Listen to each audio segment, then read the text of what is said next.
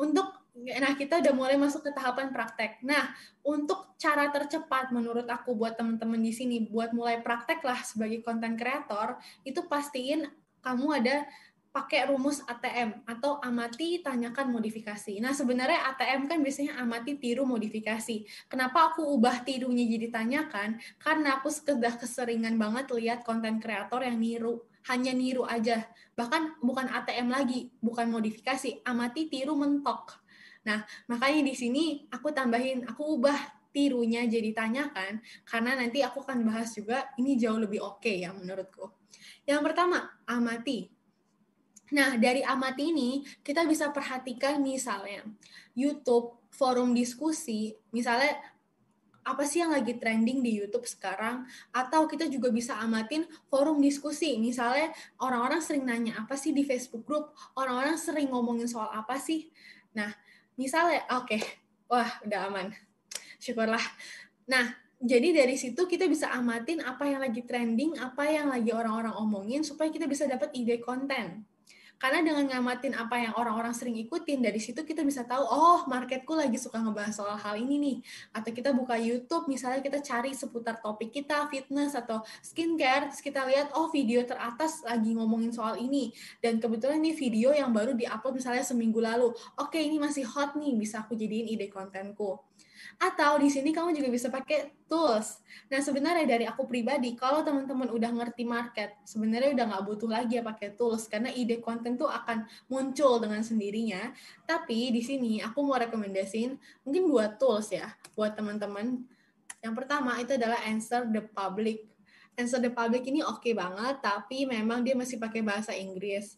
Jadi misalnya kita cari topik misalnya ya, cara menghilangkan jerawat. Ini masih nggak nggak muncul sih. Jadi kita coba skincare aja.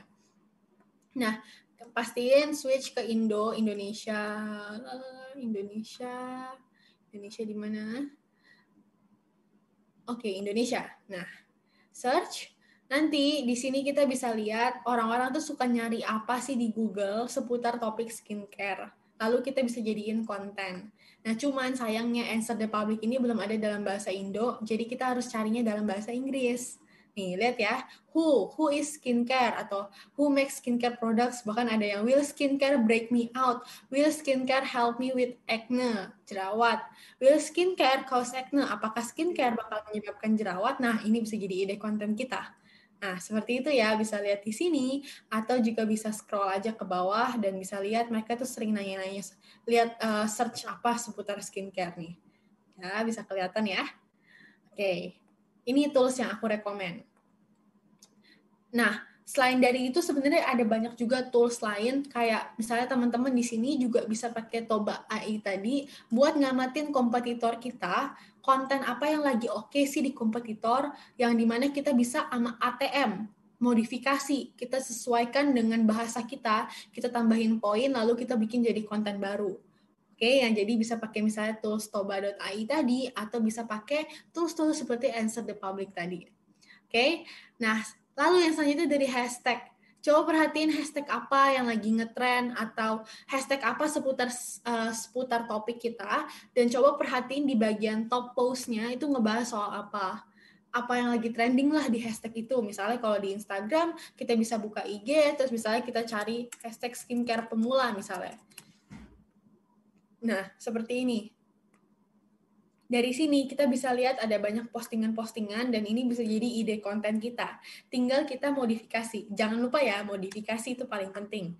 Nah, pastiin juga kalau buat teman-teman supaya nggak kehabisan ide konten, bisa juga nih follow hashtagnya. Nanti setiap hari kamu akan dikasih konten-konten yang random lah ya di timeline kamu, di home-nya kamu yang berhubungan seputar ini. Jadi kamu nggak harus uh, secara manual nyari kayak hashtag apa, nanti dia tiap hari akan kasih kamu postingan dari akun-akun yang berbeda yang ngebahas soal ini. Pakai hashtag inilah intinya.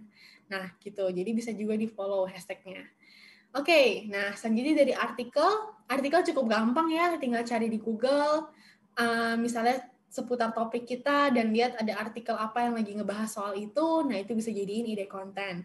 Karena dengan adanya artikel sebenarnya kalau orang udah sampai bikin artikel itu artinya ada permintaan, orang-orang nyari intinya. Makanya sampai dibikin artikel gitu. Nah, kalau kompetitor tadi aku udah jelasin ya, bisa pakai tools, bisa juga cari secara manual, kayak kita ngintipin akun siapa, terus kita lihat, oh konten apa nih yang lagi oke okay di tempat dia, lalu kita modifikasi. Nah, selanjutnya tanyakan, kenapa aku nggak bilang tiru di sini? Karena sering kali kita amatin, kita tiru, tapi kita nggak sesuaikan dengan market kita bisa jadi belum tentu apa yang kita amatin itu tetap relevan dengan situasi sekarang atau bahkan bisa jadi apa yang kita tiru belum tentu akan works atau belum tentu akan bekerja di tempat kita.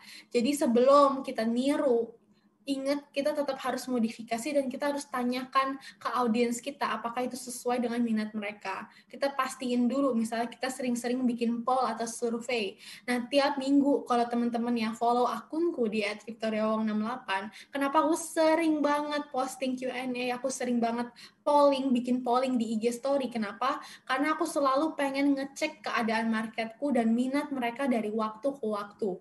Ini penting banget karena kita nggak tahu secepat apa market kita berubah. Bahkan kayak dalam hitungan seminggu pun trennya mereka udah bisa berubah misalnya kita let's say kita ngebahas so soal skincare, mungkin seminggu yang ke depan udah ada tren baru lagi atau kita ngebahas soal fashion, seminggu ke depan udah ada tren baju baru lagi misalnya. Nah, makanya penting supaya kita tetap jaga interaksi juga sama uh, follower kita dengan juga misalnya kasih Q&A di story, polling segala macam. Dari situ kita bisa tahu minat mereka seperti apa. Lalu yang kedua bisa amatin aktivitas kompetitor. Nah, dari kolom komennya kompetitor, tadi ya udah aku jelasin ya, dari Q&A-nya kompetitor dan segala macam. Nah, terakhir modifikasi. Ini penting banget ya. Sesuaikan dengan tren yang ada. Yang pertama kamu bisa coba sesuai dengan tren apa yang lagi hits sekarang. Misalnya kayak kemarin teman aku tuh kalau nggak salah ada salah satu yang booming kontennya karena dia sesuaiin sama tren yang lagi hits uh, oh surat-suratan apa tuh surat yang pokoknya ada salah satu brand yang ngelakuin kesalahan kayak dia intinya dia nggak thankful lah atau dia nggak nggak menghargai lah orang ada nge-review dia dia bilang meskipun reviewnya bagus dia bilang itu jelek kayak tolong di take down aja karena itu review kamu jelek atau apa. Nah, akhirnya itu jadi hot gitu di sosmed. Terus salah satu temen aku dengan melihat tren yang lagi ada ini, dia bikin konten yang serupa, surat yang serupa, lalu dengan mempromosikan brand dia juga dan pas dia posting tuh sampai viral. Kenapa? Karena dia posting di saat yang tepat dan dia, dan dia nyesuaiin dengan tren yang ada.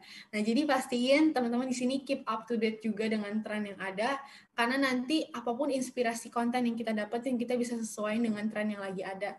Atau yang kedua, kita bisa gabung beberapa informasi jadi satu. Jadi misalnya kamu dapat 5 tips ampuh atasin jerawat.